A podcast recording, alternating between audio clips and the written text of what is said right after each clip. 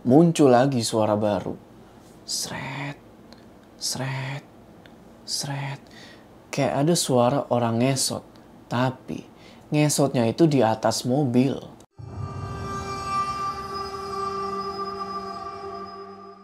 Assalamualaikum teman-teman, balik lagi sama gue Joe. Apa kabar kalian semua?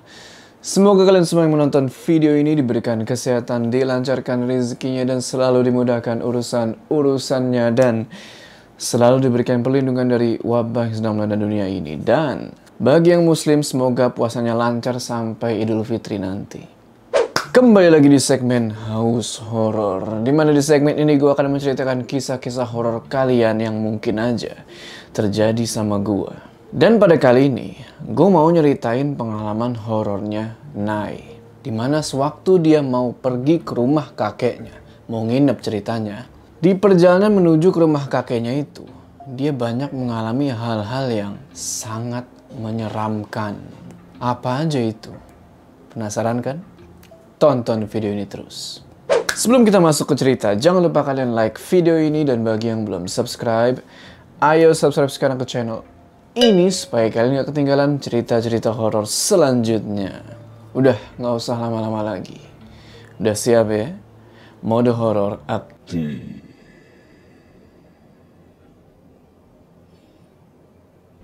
Waktu itu hari Kamis malam Jumat. Nggak tahu kenapa, Nai ini merasa gelisah, nggak kayak biasanya.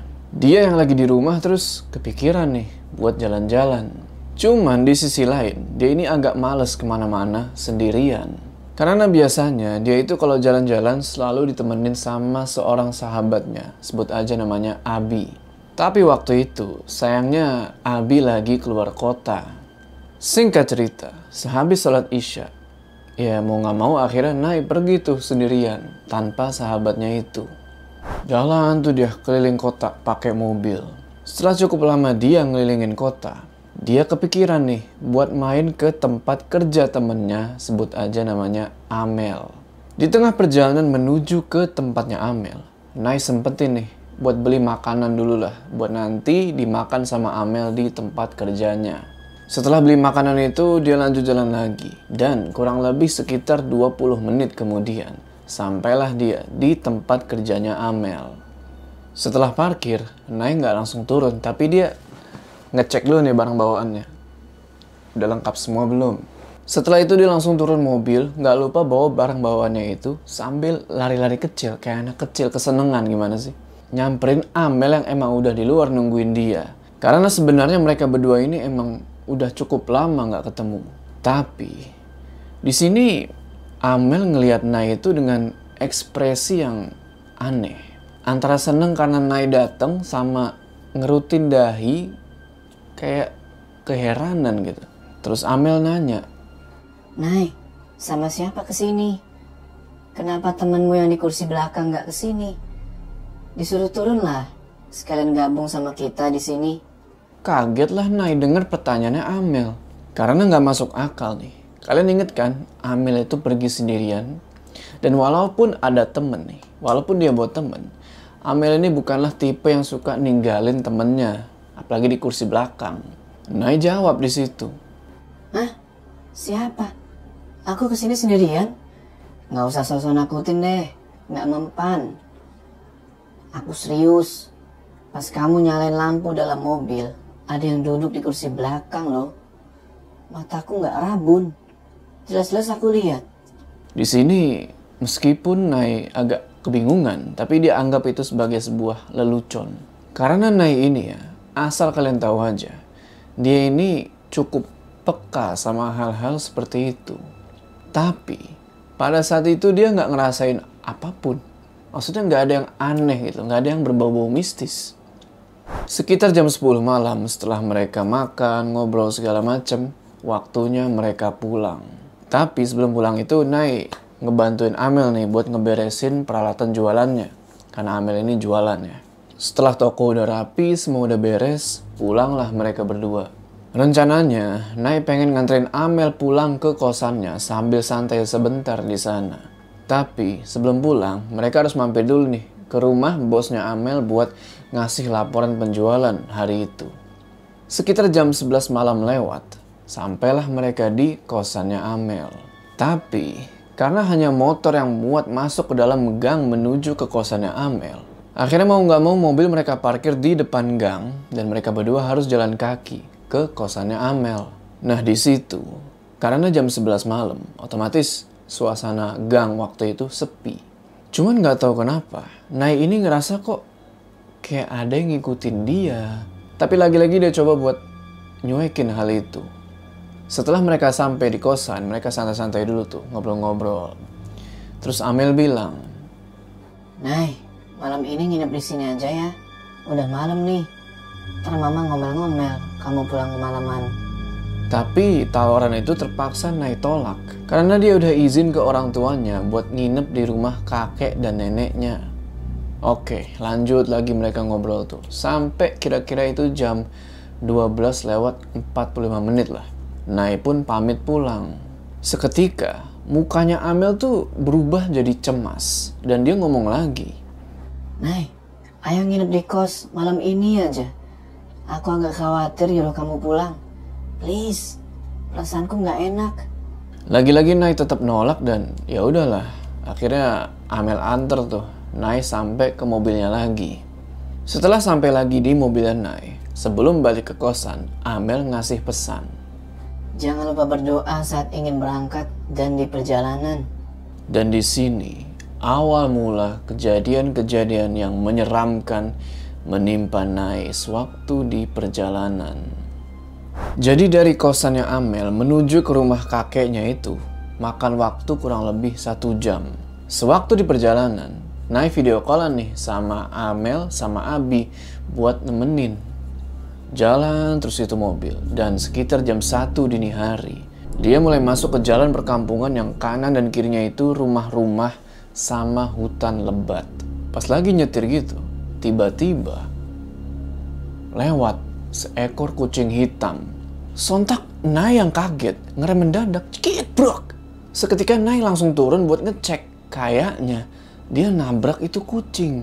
Setelah dia ngecek di sekitaran mobil, kucing itu nggak ada. Dia bersyukur di situ kalau dia nggak nabrak kucing. Tapi anehnya, kalau bukan kucing yang dia tabrak, terus apa yang dia tabrak? Dan ke mana perginya kucing itu? Tapi dia coba buat gak hiraukan hal itu. Pas Nai mau masuk ke dalam mobil, mobil yang tadi mesinnya nyala, tiba-tiba mati. Dan pintu mobilnya kekunci. Perasaannya dia waktu itu jadi bener-bener gak karuan. Menurut dia itu gak masuk akal karena mobilnya ini baru diservis. Dan gak cuma mobil yang mendadak mati, HP-nya juga mendadak mati. Padahal tadi sebelumnya, baterainya itu masih ada kira-kira 80%. Sambil terus berusaha ngebuka pintu mobilnya, dia ngeliat ke sekeliling. Kondisi waktu itu sunyi banget. Dan sialnya, mobilnya itu berhenti di tempat yang kelihatannya itu angker banget. Bayangin aja ya, sebelah kanan hutan lebat. Sebelah kiri ada bangunan semacam gudang lah. Cuman gudangnya itu agak ke dalam. Dia terus berusaha buka itu pintu mobil sampai dia tuh nangis-nangis karena takut. Hatinya udah nggak karuan karena bisa dibilang rasa takutnya itu udah over. Bayangin aja kalian ada di posisi dia. Terus terus berusaha buat dibuka dan gak lama kemudian tiba-tiba kedengeran suara di telinganya dia. Ayo ikut kami. Kamu sudah lama tidak pernah main ke tempat kami lagi.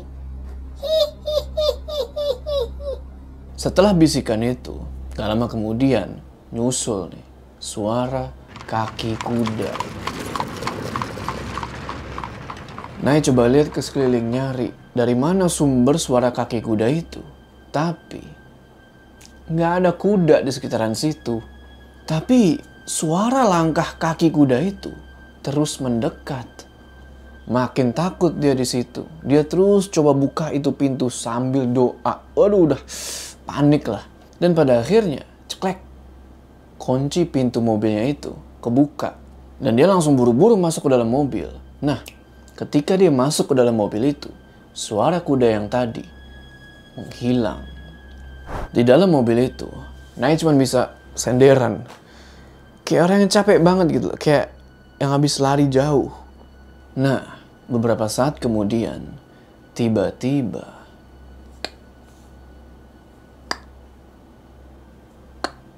kedengaran suara kayak batu yang ngenain mobilnya Nai. Jadi kayak ada yang lempar batu itu ke mobilnya Nai. Dan suara itu berlangsung sekitar 2 menitan. Dia cuma bisa doa aja di situ. Mobil sama HP-nya juga belum bisa dinyalain. Seakan-akan tuh rusak.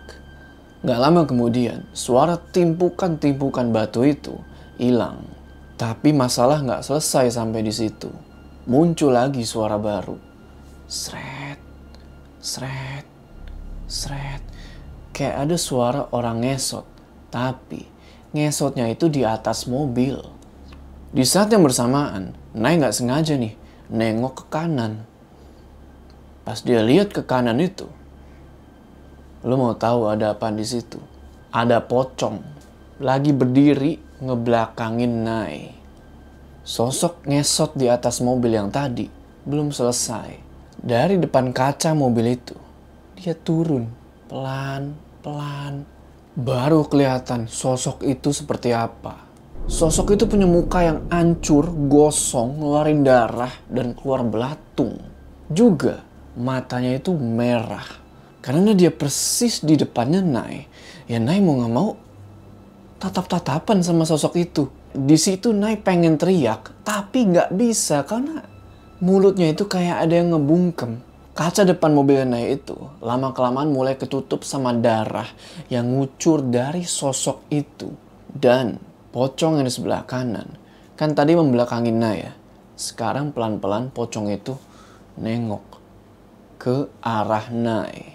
Nai cuma bisa nunduk di situ sambil terus-terusan baca ayat kursi dan mikir kenapa kok dia diganggu. Padahal menurut dia, dia ini nggak ngelakuin hal-hal yang buruk atau mengganggu makhluk-makhluk itu. Terus dia nunduk tuh sambil baca doa. Dan nggak lama kemudian, dari belakang lehernya, dari tengkuk ya, itu ada yang nyentuh. Seketika badannya itu merinding hebat karena sentuhan itu bukan sentuhan biasa, tapi sentuhan dari kuku-kuku yang panjang. Terus dia baca ayat kursi, diiringi sama suara cekikikan dan geraman dari luar mobil. Sampai nggak lama kemudian, tiba-tiba...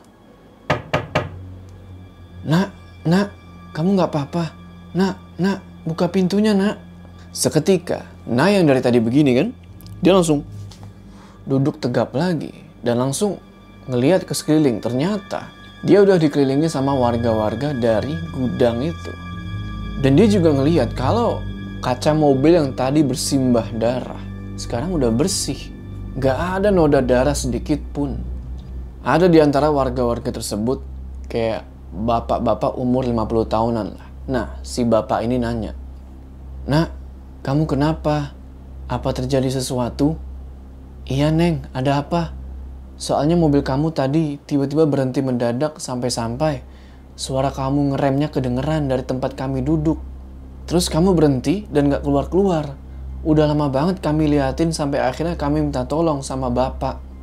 Maaf bapak-bapak dan mas-mas semua. Saya nggak apa-apa kok. Tadi kepala saya agak pusing aja.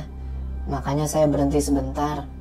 Dalam hati, Nai bilang, Padahal kan aku dari tadi teriak-teriak minta tolong. Dan gak ada orang sama sekali. Warga-warga tersebut natap heran ke Nai.